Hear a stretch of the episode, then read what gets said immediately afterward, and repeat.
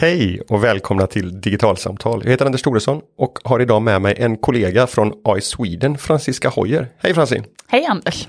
Vi ska prata om språkmodeller. Mm. Vi ska prata säkert lite ChatGPT men också en hel del om GPT-SVE som är den storskaliga nordiska språkmodell mm. som vi på AI Sweden är med och utvecklar. Det stämmer. Och det är ett arbete som, som du leder i vårt språkteknologi team. Exakt, tillsammans med Magnus Sahlgren. Vi kommer ha ganska många frågor som vi kommer svara på här. Det här blir lite utav ett FAQ-avsnitt. Det är frågor som du många gånger har fått under de senaste månaderna. Det är frågor som jag har fått från, från organisationer som vi samarbetar med och det är frågor som kollegor till oss har fått. Men jag tänkte att vi ska börja från ett riktigt helikopterperspektiv och backa hela vägen tillbaka i den här diskussionen på något sätt. Språkmodeller, mm. vad är det för någonting? Ja, bra fråga. Eh, väldigt, väldigt förenklat. Då kan man säga språkmodeller är statistiska modeller eh, av språk. Alltså algoritmer eller man kan också säga en datorprogram eh, som representerar en sannolikhetsfördelning av ord. Och det finns många olika typer av språkmodeller och vi har länge använt språkmodeller faktiskt för att lösa så kallade texthanteringsuppgifter. Och en texthanteringsuppgift det kan vara allt från en översättning till att söka eller till att klassificera text med hjälp av datorsystem. Um, när vi idag pratar om språkmodeller och de språkmodellerna som du syftar på nu och som alla pratar om eh, idag, då pratar vi om så kallade stora förtränade språkmodeller. Och ganska ofta menar vi faktiskt en specifik modelltyp som heter GPT. Och GPT står för Generative Pre-trained Transformer. Transformer är själva modellarkitekturen, det är inte så viktigt vad det egentligen betyder. Men det står alltså för att vi tränar en modell som är specifikt byggd för att generera generative, för att generera text. Så, så, det innebär att när vi pratar om språkmodeller, alltså AI i sig är ett jättebrett begrepp som man behöver tratta ner för att bli mer specifik. Och så tycker man att nu har vi hamnat i språkmodeller, nu har vi blivit tillräckligt specifika. Men så är det inte, utan även språkmodeller är fortfarande, då är vi fortfarande på paraplybegreppsnivå. Det finns väldigt många olika typer utav, utav språkmodeller. Exakt, och man kan använda olika tekniker för att träna språkmodeller. Och GPT-modeller, de tränas med en teknologi som kallas för oövervakat maskininlärning. Så att vi um, vi lämnade till datoren själv att hitta mönster i stora mängder textdata. Mm. Och det till skillnad från, från andra typer av språkmodeller då, som jobbar med annoterad data där man har talat om för, för språkmodellen liksom vilken typ av, vad är ett substantiv, vad är ett, vad är ett verb till exempel och så kan den på egen hand lära sig att, att förstå skillnaden och, och identifiera de begreppen. Mm. Så det är skillnaden mellan, mellan oövervakad och övervakad inlärning. Exakt, till exempel. Um, eller så använder man övervakat maskininlärning till exempel för att bygga särskilda funktioner som att uh, ja, men till exempel för någonting som kallas för sentiment analysis, att man vill upptäcka är en review positiv eller negativ. Mm. Och då visar man en, uh, ett antal exempel uh, till maskinen först och säga det här är positivt eh, review, det här är negativt. Så här ser mönstret ut och sen visar man mer text och sen sätter maskinen igång själv. Mm. Om vi då fortsätter liksom så här på det här ändå paraplynivån. Eh, går det att säga någonting generellt om eller, eller blir det väldigt specifikt? Hur går det egentligen till att lära en dator att, att förstå mm. och hantera mänskligt språk? Mm. Jag tror jag fokuserar på GPT-modeller mm. för det är de vi pratar om mest idag. Um, då är det så, alltså GPT-modellen är resultatet av oövervakad maskininlärning. Uh, och det betyder att vi visar datorn en enorm mängd textdata. Uh, och sen ska algoritmen själv hitta mönster i texten. Och det som händer under den inlärningsprocessen, det är att modellen vid varje steg ska gissa nästa ord i en ordsekvens. Och resultatet jämförs med originalmeningen. Och resultatet används sen för i nästa steget förbättra modellen. Så i början av träningen kommer modellen vara extremt dåligt på att gissa nästa ord. Och gissa nästa ord betyder i princip generera text. Men ju längre vi tränar modellen och ju oftare den går genom samma mönster, desto bättre blir den att hitta den statistiska fördelningen eller sannolikheten att en viss ord följer på ett annat ord i en viss sekvens. Just det. Men det innebär att jag skulle vilja bryta ner det svaret mm. i, i, två grenar här. För att, för att det ena handlar om vad en generativ textmodell egentligen är. Och jag, jag har hört liknelser tidigare av att, att förstå vad, vad till exempel ChatGPT gör går, går att hitta i, i det egna tangentbordet på sin mobiltelefon där den föreslår nästa ord. Mm. Men det som ChatGPT och andra generativa språkmodeller gör är att den, den förutspår inte bara nästa ord utan kanske hela stycken. Ja, GPT-modeller, de tittar bara på vänstra kontexten. Nu blir det lite mer specifikt. Um, till skillnad av andra modeller, Mask Language Models till exempel, som hittar både på vänstra och högra kontexten. Så GPT-modeller, de tittar bara på vänstra kontexten. Och det som har blivit så kraftfullt i de här GPT-modeller, modellerna, det är att de kan ha en ganska lång attention, alltså att de kan ta hänsyn till ganska många ord som kommer innan. Men vä- vänstra kontexten menar du alltså det som står tidigare i meningen? Exakt, Mm. exakt, Och, den, och den, du sa längre attention span. exakt. Vad innebär det?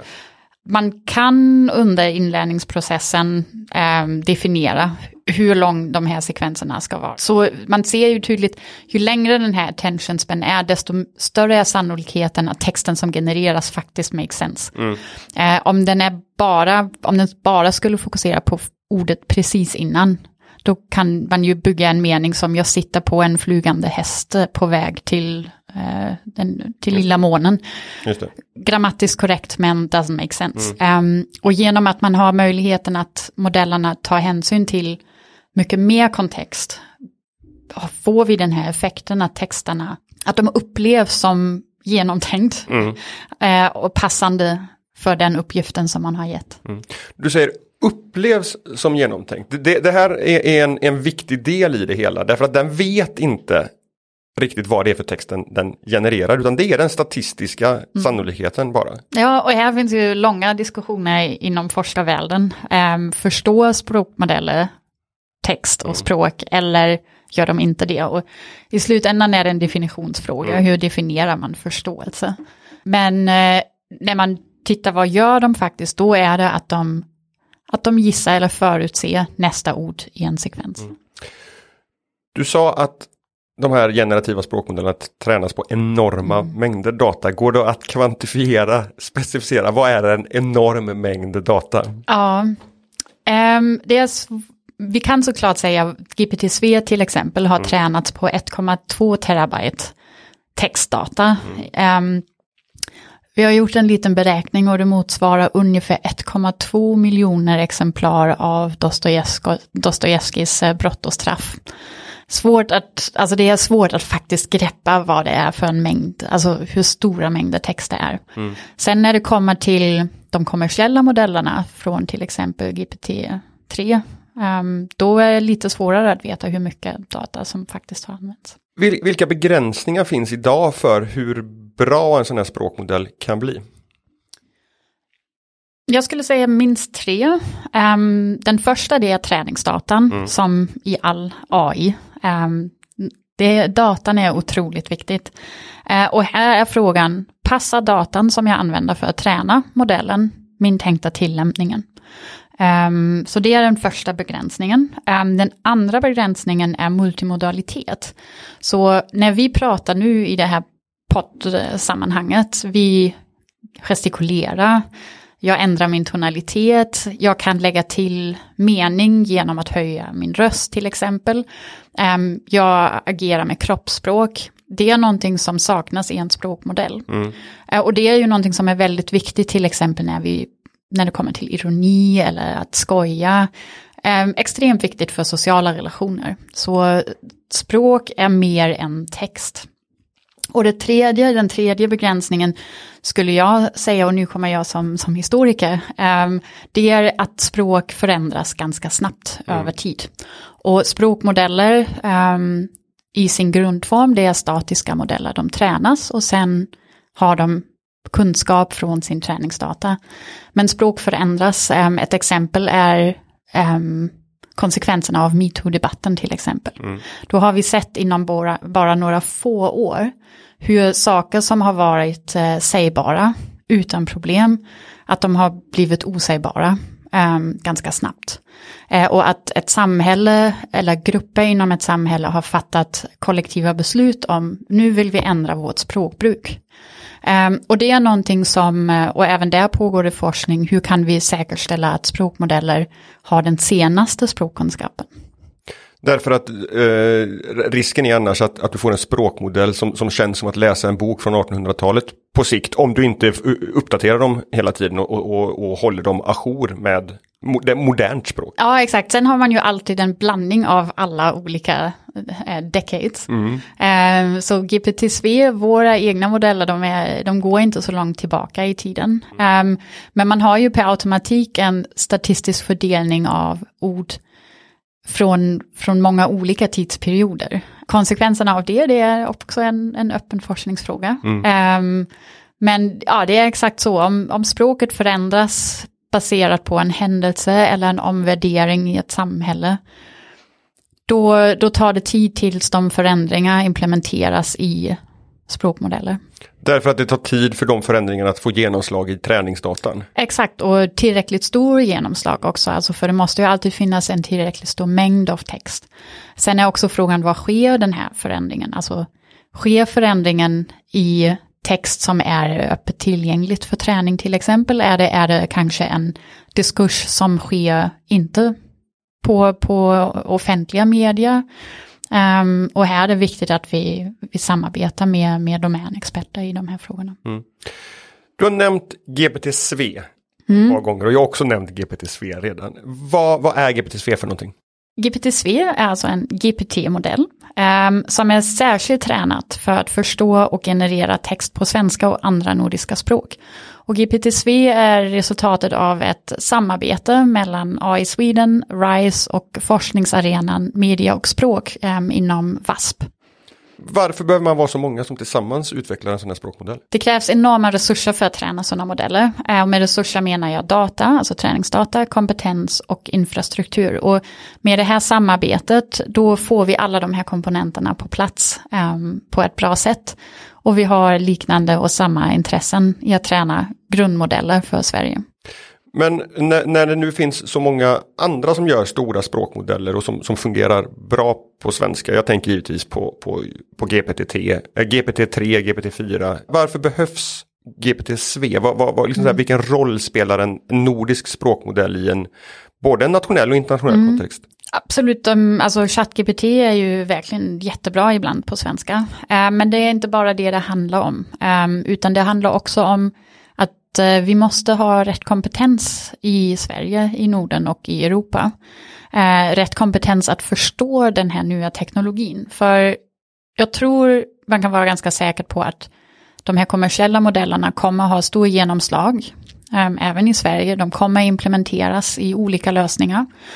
Och vi måste ha rätt kunskap mm. i hur fungerar de här modellerna. För vi vet de har begränsningar och det är viktigt att man tillämpar dem på rätt sätt. Så vi måste bygga rätt kunskap, det är det första. Andra anledningen är, är någonting som man kan kalla för digital uh, linguistic sovereignty. Um, vi vill gärna veta vad som har gått in i modellen som träningsdata. Um, OpenAI har visat nu med GPT-4 att de inte är transparent alls. De avslöjar ingenting om sin träningsdata.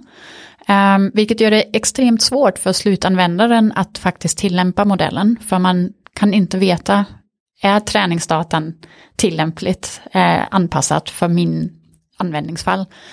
Um, så vi tränar våra modeller på ett väldigt transparent sätt och um, visa exakt vilken träningsdata har vi använt så att slutanvändaren kan avgöra mm. om modellen är lämpligt eller inte. Och sen den tredje, det tredje argumentet varför vi behöver egna modeller, det är många organisationer i Sverige kan inte använda amerikanska tjänster baserat på grund av GDPR bland annat. Man får inte glömma att om vi använder sådana tjänster som till exempel ChatGPT vi ger bort vår data, um, väldigt högkvalitativ data till ett kommersiellt företag. Det är inte bara personuppgifter som flyttar över gränser här, utan det är också kunskap. Det är kreativitet, um, det är kreativa tankar, det kan handla sig om um, företagskänsliga uppgifter när anställda använder de här modellerna. Och Um, och därför finns det nog ett intresse bland organisationer att det finns möjligheter att köra lösningar på egen infrastruktur där man har full kontroll. Mm. Och, och det, det, här kokar ju ner till att, att man kan inte bara värdera en, en AI-modell utifrån någon slags teknisk kvalitet alla gånger heller. Att, att det, just nu så är GPT-4, det är såklart att det, man blir imponerad mm. av vad den klarar av. Ja. Men, men det är inte bara slutresultatet alla gånger som, som är det absolut viktigaste värdet att, att välja utifrån. Exakt. Därför att du behöver good enough men med GDPR eller, eller andra liksom on-premise Exakt, aspekter. att man har kontroll. Mm. Att, man, att man själv kan kontrollera mm. vad modellen gör. Mm. Och att man kan um, ja, att man kan säga till sina kunder, vi vet vad som finns mm. i modellen. En fråga som jag vet att du får ibland och som jag får ibland mm. är eh, var kan vi chatta med GPT-SV någonstans? Man, man har mött ChatGPT eh, sen i november mm. förra året och, och tror att, chat, äh, att GPT-SV är, är, är, samma sak. Men, mm. men här är det viktigt att förstå skillnaden på en underliggande modell, i det här fallet till exempel GPT-4 och eh, GPT-SV ja. och en produkt eller tjänst som byggs ovanpå den. Mm. I det här fallet ChatGPT som vi pratar om. kan vi börja där, liksom så här, går det för en internetanvändare idag att få chatta med GPT-SV någonstans? Det gick fram till slutet av januari på Nobelutställningen. Mm. Mm. Nu går det inte. Nej. Och det är för att vi har inte byggt en publik produkt Exakt. på den underliggande. Kan, hjälp, hjälp mig och lyssnarna att reda ut vad, vad är skillnaden på en modell mm. och en, en produkttjänst? Ja, och det är en så viktig fråga för det handlar verkligen om förväntningarna. Mm. Um, och skillnaderna mellan, om vi tar ChatGPT och jämför det med GPT-SV, alltså modellerna som AI Sweden bygger tillsammans med RISE och, RISE och WASP eh, vara, Media and Language. Eh, då är en skillnad som du sa, ChatGPT är en produkt. Och produkt betyder att produkten baseras på en optimerat och vidareutvecklat GPT-modell. Um, ehm, plus en teknologi som man kallar för reinforcement learning with human feedback. Men jag ska förklara lite vad det betyder. Mm. Så ChatGPT är alltså i princip inte en modell, utan det är en produkt med många olika modeller som har kopplats ihop i syftet av att tillhandahålla en tjänst. Um, och tjänsten är då att man ska kunna eh, ha en konversation med, med ChatGPT. Och det som OpenAI har gjort här um, är att de har lagt till ganska många lager on top of GPT. Um, ehm, ett lager är till exempel att man har faktiskt skapat um, väldigt högkvalitativa datasätt. för att träna en modell att följa instruktioner. Um, och där har det varit människor som har faktiskt skrivit svar på frågor. Och sen har det använts för övervakat maskininlärning för att träna en ny modell. Mm. Sen kommer det här med reinforcement learning, att man har lagt till ett ytterligare steg att bedöma output av modellen och säga det här är bra svar, det här är dåligt svar. Um, och sen finns det säkert många content filters. Um, det som man kan jämföra är basmodellen som ligger till grunden av ChatGPT, alltså GPT-3 eller nu GPT-4 och vår GPT-SV-modell. Båda modeller har samma grundarkitektur, de skiljer sig i storlek av parametrarna, alltså hur länge de har tränats. Men båda modellerna bygger på oövervakat maskininlärning. Men GPT-SV, våra modeller, har då tränats specifikt för svenska och med högkvalitativ svensk text. Just det. Men det innebär att om, om jag får prova att formulera det här mm. på ett annat sätt så, så, så är det så här att, att GPT-3, GPT-4, GPT-SV det är ett verktyg i en verktygslåda.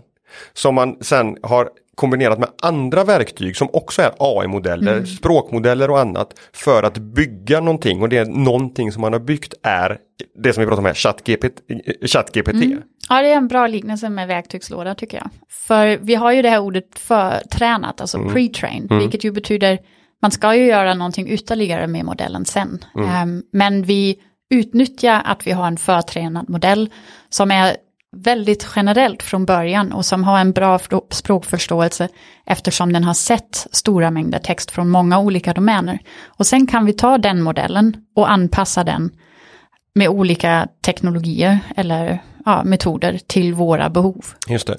Men, men det här innebär också att, att GPT-SV är inte utvecklad för att bygga specifikt chattlösningar utan det är den här generella storskaliga språkmodellen som det sen går att anpassa, använda som verktyg för att bygga olika typer av verktyg. Exakt. Eller inte olika typer av verktyg, olika typer av produkter och tjänster. Exakt, och en chatbot är en möjlig lösning. Um, det skulle man behöva då ja, men lägga till som ChatGPT har gjort de här instruktionsmodeller. Eh, man skulle lägga till ehm, en, en skript, eh, det kallas också för prompt, där man ger några få exempel till modellen. Och det har Alice Heiman gjort ehm, när hon byggde Klara chatbotten som eh, besökarna av Nobelutställningen Evigt liv kunde testa. Hon har då byggt en chatbot eh, baserad på GPT-3 och modellerat efter karaktären Klara i Ishiguros Klara och solen. Och det hon har gjort det är att hon har skrivit någon form av manus. Där hon har visat några exempel. Så här kan en konversation mellan användaren och eh, chatbotten gå till. Men, men om, om GPT-SVE då här och nu inte är en färdig produkt eller tjänst som jag som slutanvändare kan, kan använda eller ha roligt med eller, eller testa. V- Vem är GPT-SVE till för i nuläget? Jag skulle ändå säga att GPT-3 ska vara till för hela svenska samhället. Eh, För vi tror det har stor potential att faktiskt förbättra medborgartjänster, att eh, säkerställa att svenska företag behåller sin konkurrenskraft och kan utveckla nya, nya tjänster. Mer konkret, vem kan faktiskt använda GPT-3 i dagsläget? Då riktar vi oss till forskare och ja, NLP, Natural Language Processing Practitioners. Alltså man behöver ha kunskap i hur fungerar transformers. Man måste kunna programmera lite grann och så vidare. Många av de som lyssnar har säkert provat ChatGPT. Jag har sett eh, motsvarande liksom så här arbete eller chatt, chattkonversationer med GPT-SVE. Och det där är ju liksom, det blir ganska snabbt en mix utav att å ena sidan häpna över hur bra tekniken är. Å andra sidan så åtminstone mitt Twitterflöde och andra sociala medieflöden emellanåt varit överfyllda med liksom så här otroligt skrattretande exempel. Jag gjorde själv ett test där, där ChatGPT envist försökte hävda att Orust och Tjörn ligger, ligger norr om Grebbestad, vilket som bohuslänningen i mig fick. Alltså det, ja, och, och då är det där, kan man tycka, ändå en, en otroligt enkel faktauppgift. Alltså det är bara att titta på en karta som människa och så ser man att men så här, det här stämmer inte. Hur, hur, hur är det möjligt att den här chattbotten, eller i vårat fall då den underliggande modellen, å ena sidan kan vara så imponerande och andra sidan ibland ha så häpnadsväckande fel. Det är en dualitet här som Ja. är lite svår att ta till sig. Ja, du sa ordet fakta och det är ju intressant. Eh, har språkmodeller faktakunskap? Nej, i grundläget egentligen inte. För det de gör är att de, de eh, beräknar en sannolikhet för nästa ord. Ehm, och såklart, om de har sett det tillräckligt många gånger i träningsdatan, ta exemplet, eh, vad heter huvudstaden av Sverige? Då har den säkert sett i de absolut flesta fall att Stockholm och huvudstad och Sverige förekommer ganska ofta. Så då hamnar Stockholm högst upp på den här sannolikhetslistan. Men på andra platser kanske Göteborg, för Göteborg är huvudstaden av våra hjärtor. Ehm, och modellen, beroende på hur man ställer in ehm, så kallad temperature, välja mellan de mest sannolika orden. Man kan säga välj bara den mest, det mest sannolika ordet. Men man kan också säga välj mellan de ja, 500 mest sannolika. Okej. Så eh, det är väldigt svårt verkligen att få dem att vara fakta säkert. Um, sen en annan fråga är ju med fakta, bara för någonting har sagts många hundra gånger på nätet i vår träningsdatan betyder inte att det är en fakta. Så det är en anledning. Andra anledningen är um, om modellen aldrig har sett text från den domänen som du är intresserad av, som till exempel svensk geografi, då hallucinerar modellen, för då finns det ingenting den kan dra information ifrån. En annan anledning till varför det kan vara så, um, så konstigt fel ibland, det är ju ehm, design choices som OpenAI har gjort. Så de här extra lagrarna som jag beskrev, det är gjort med syn på ett amerikansk användarpublik. Människorna som har gjort och tränat de här extra modellerna, de är engelsktalande. de här hjälpmodellerna är tränat för engelska och för, för bruk i en nordamerikansk kontext. Så då går alla kulturella värderingar av de som har gjort annoteringar in i modellen. Um, inklusive kulturell kunskap, kulturella biases och så vidare. Men, men innebär det här då, om jag, om jag tolkar dig rätt, så, så om, om du har en chattkonversation med en av de här modellerna kring ett ämne som det i träningsdatan är välrepresenterat. Då är det en större sannolikhet för att de svaren som kommer också eh, liksom så här, ligger närmare fakta mm. när det finns faktauppgifter. Ja. Uh, för ett annat exempel, lista tio kända personer som mm. finns som har kommit från Grebbestad. Och då blev det liksom, det var Charlotte Kalla och ett antal andra personer som inte har med Grebbestad att göra mm. överhuvudtaget. Det här handlar helt enkelt om att från Grebbestad har det inte kommit så många kända mm. personer. Så att det, det, finns liksom inte den kontexten i träningsdata. Och, men då spinner den loss ändå. Ja, exakt, för den har ju inte, modellen har inte, vi människor, om du skulle fråga mig, mm då skulle jag ju ha intentionen att svara mm. rätt och att hjälpa dig mm. och att faktiskt ge dig ett eh, korrekt svar. Mm. Så då skulle jag ju säga, ja, jag kommer bara på en person, mm. jag vet inte fler. Men modellen har ingen intention. Ja, just det. Den har inte intentionen att svara eh, eh, korrekt eller ja. Så, så, att en del i, i svaret på den frågan som jag ställer här om, om hur det kan bli å ena sidan så imponerande och, och så skrattretande fel är att liksom det som blir imponerande är tack vare att den är tränad på så otroligt mycket data. Mm. Men det som gör att det blir skrattretande fel är att det finns liksom en, en, en liksom ändå någon slags statistisk liksom distribution i den här träningsdatan om ämnen som, som pratas om mm. ofta och sällan. Så, ja. att, och, och, så att det blir liksom både en kombination av både träningsdata men också hur modellen är, är skapad då i och med att den inte sätter stopp. Säga, jag har faktiskt mm. inte tillräckligt mycket kunskap ja, om kända personer från Grebbestad så att vi släpper det här ämnet. Exakt. Utan den bara köttar på. Exakt, exakt. Och sen kanske man kan lägga till för det här för det handlar ju mycket om en känsla som du beskriver, alltså att man blir så överraskad hur, hur mm. fel det kan gå eller hur bra det kan gå. Och just när vi tittar på varför, varför är vi så imponerade. Mm. Man får inte glömma, det är första gången att vår monopol på språkproduktion eh, blir utmanat mm. här. Det är första gången att det är inte människor som har monopol över att generera text längre. Och såklart blir vi överraskat mm. och ställa frågor, oj vad betyder det? Eh, men, men om, om GPTSV i dagsläget är någonting som man behöver vara eh, utvecklare för att, mm. att liksom kunna ha glädje av. Vad, vad, kan en utvecklare som har tillgång till GPTSV mm. göra med modellen i dagsläget? Mm. Mycket just nu handlar om att verkligen utforska de här modellerna och förstå hur fungerar de, vad gör de, vad, ja, hur kan man använda dem. Um, så i själva forskningen finns det ett jätte, jättestort värde och det finns inte jättemånga modeller som är så pass öppna att man kan verkligen forska på dem. Um, sen kan utvecklarna faktiskt börja titta på tillämpningar och till exempel anpassa modellen till en viss domän och verkligen se till att modellen fungerar i en kontext um, som är väldigt specifikt och då kan det finns olika tek tekniker eller metoder som man kan använda. Man vi har sett att eh, användarna har fine-tunat några av de mindre modellerna, vilket betyder att man tränar dem på den domänspecifika datan för att verkligen säkerställa, nu har modellen sett verkligen den datan mm. den ska fungera på. Sen kan man använda någonting som heter prompt um, engineering, alltså att man instru ger instruktioner till modellen med hjälp av språk, att vi verkligen kommunicerar med modellen. Eller så kan man lägga till modeller som um, till exempel de här instruktionsmodeller, att man kombinerar modellen med, med andra modeller som till exempel filtermekanismer eller ja, de här instruktionsmodellerna. Det är någonting som vi här på AI Sweden är väldigt intresserade av att göra just nu. Eh, men inte ens om man är utvecklare kan man bara börja använda GPT-SV idag. För vi har gjort, släppt den här i form av någonting som vi mm. kallar för en controlled pre-release. Mm. En, en kontrollerad, ett kontrollerat försläpp. Mm. Vad, vad, innebär det och varför?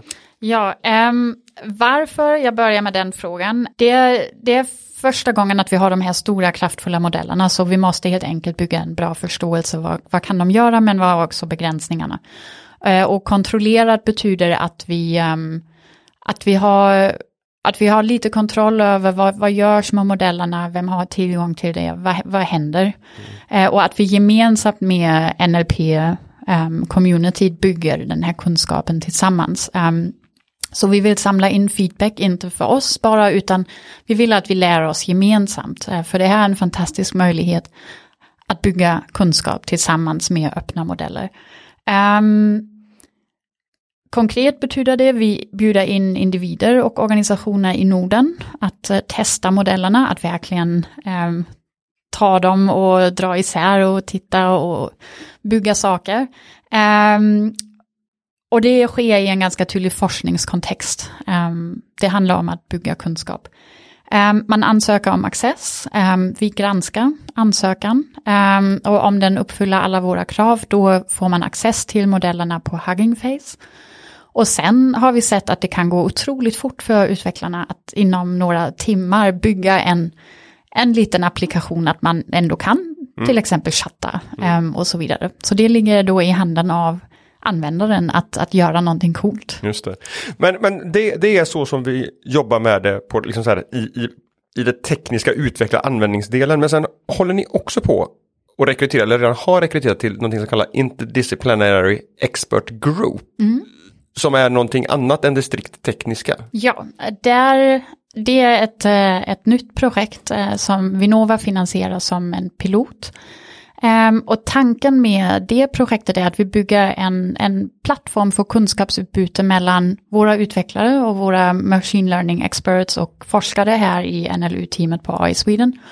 Och vad vi kallar för subject matter experts, eller forskare och civilsamhället som har djup kunskap om den datan som har blivit vår träningsdata. Så eh, vi har riktat oss och bjudit in till exempel historiker, litteraturvetare, teologer, sociologer, um, media and communication studies, gender studies scholars och aktörer från civilsamhället att gemensamt med oss föra en dialog över är träningsdatan representativ? Vad betyder det att träningsdatan är representativ? Vad ska man ta hänsyn till när man samlar in data? Um, vad finns i datan? Um, vad ska man kanske ta i beakt när man sen tillämpar modellerna?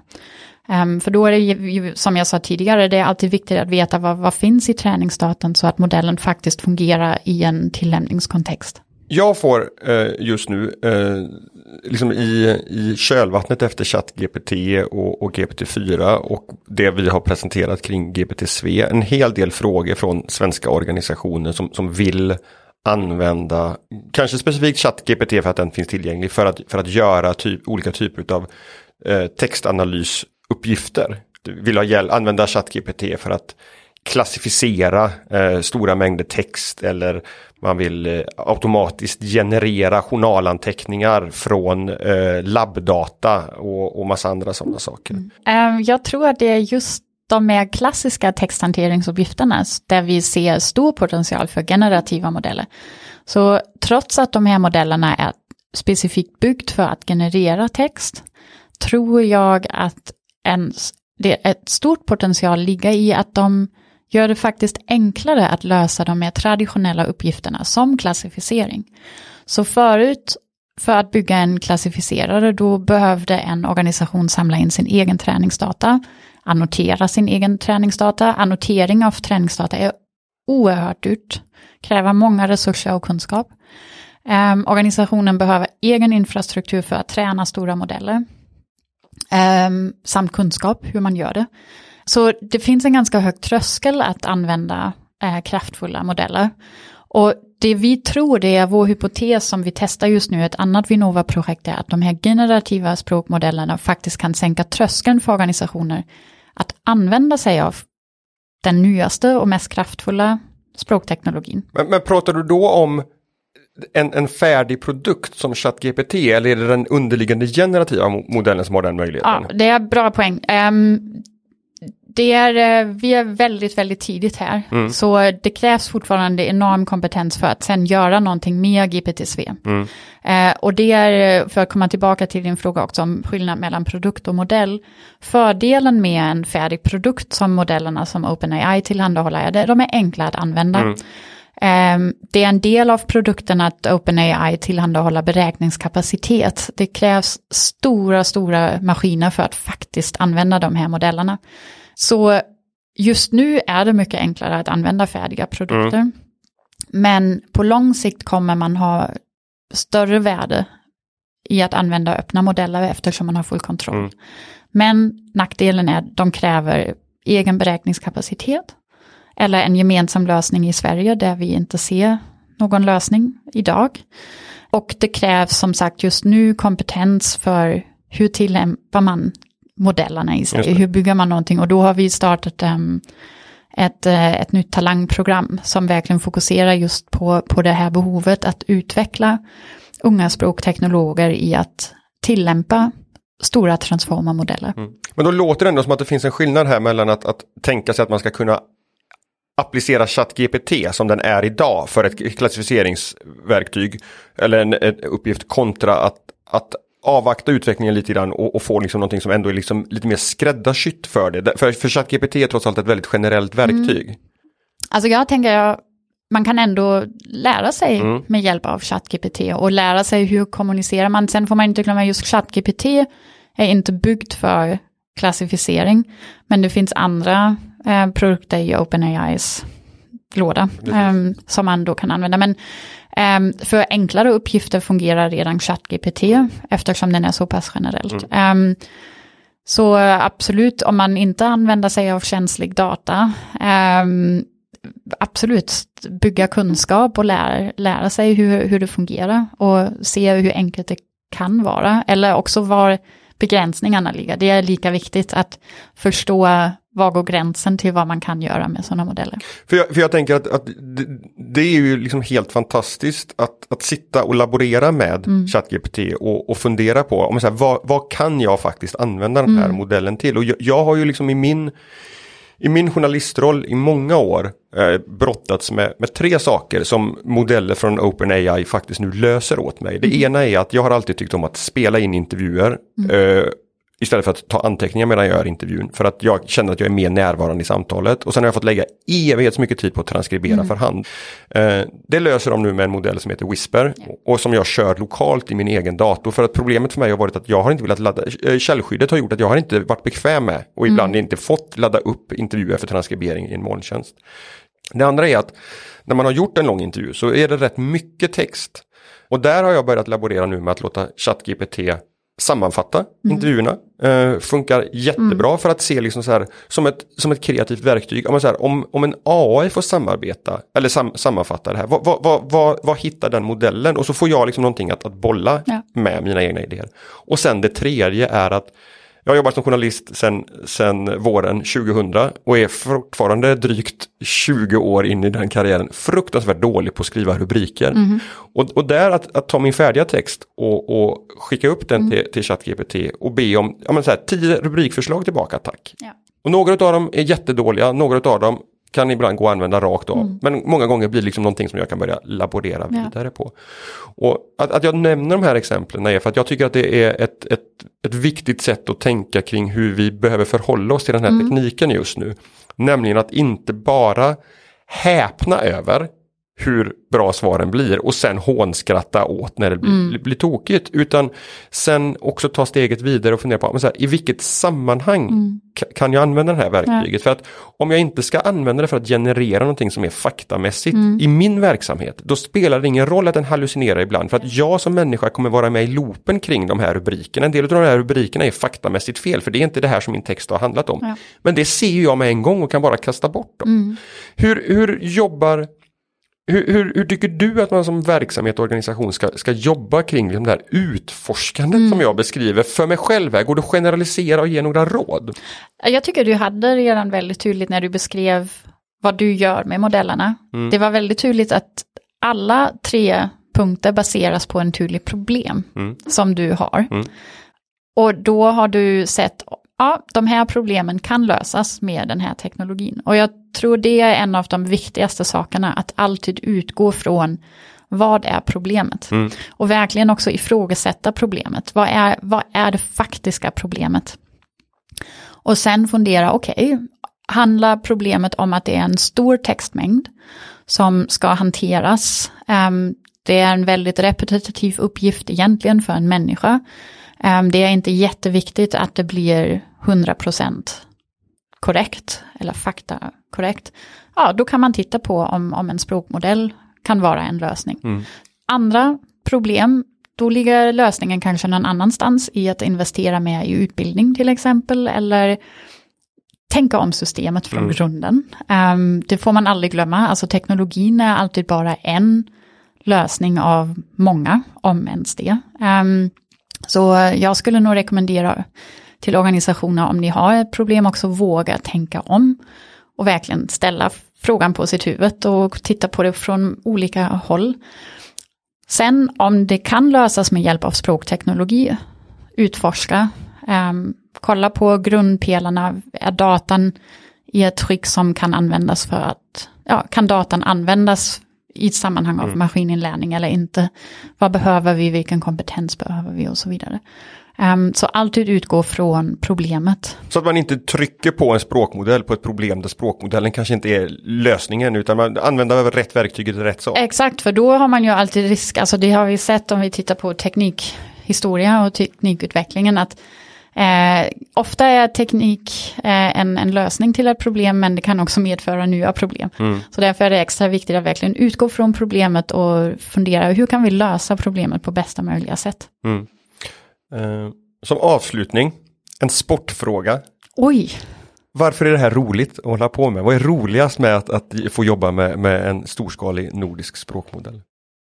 Ja, en del handlar väl om att det är så oerhört spännande. Jag nämnde innan det här med monopol. Mm. Att människor har länge haft monopol på textproduktion och texthantering. Eh, och att det verkar skakas om nu Mm. med de här modellerna.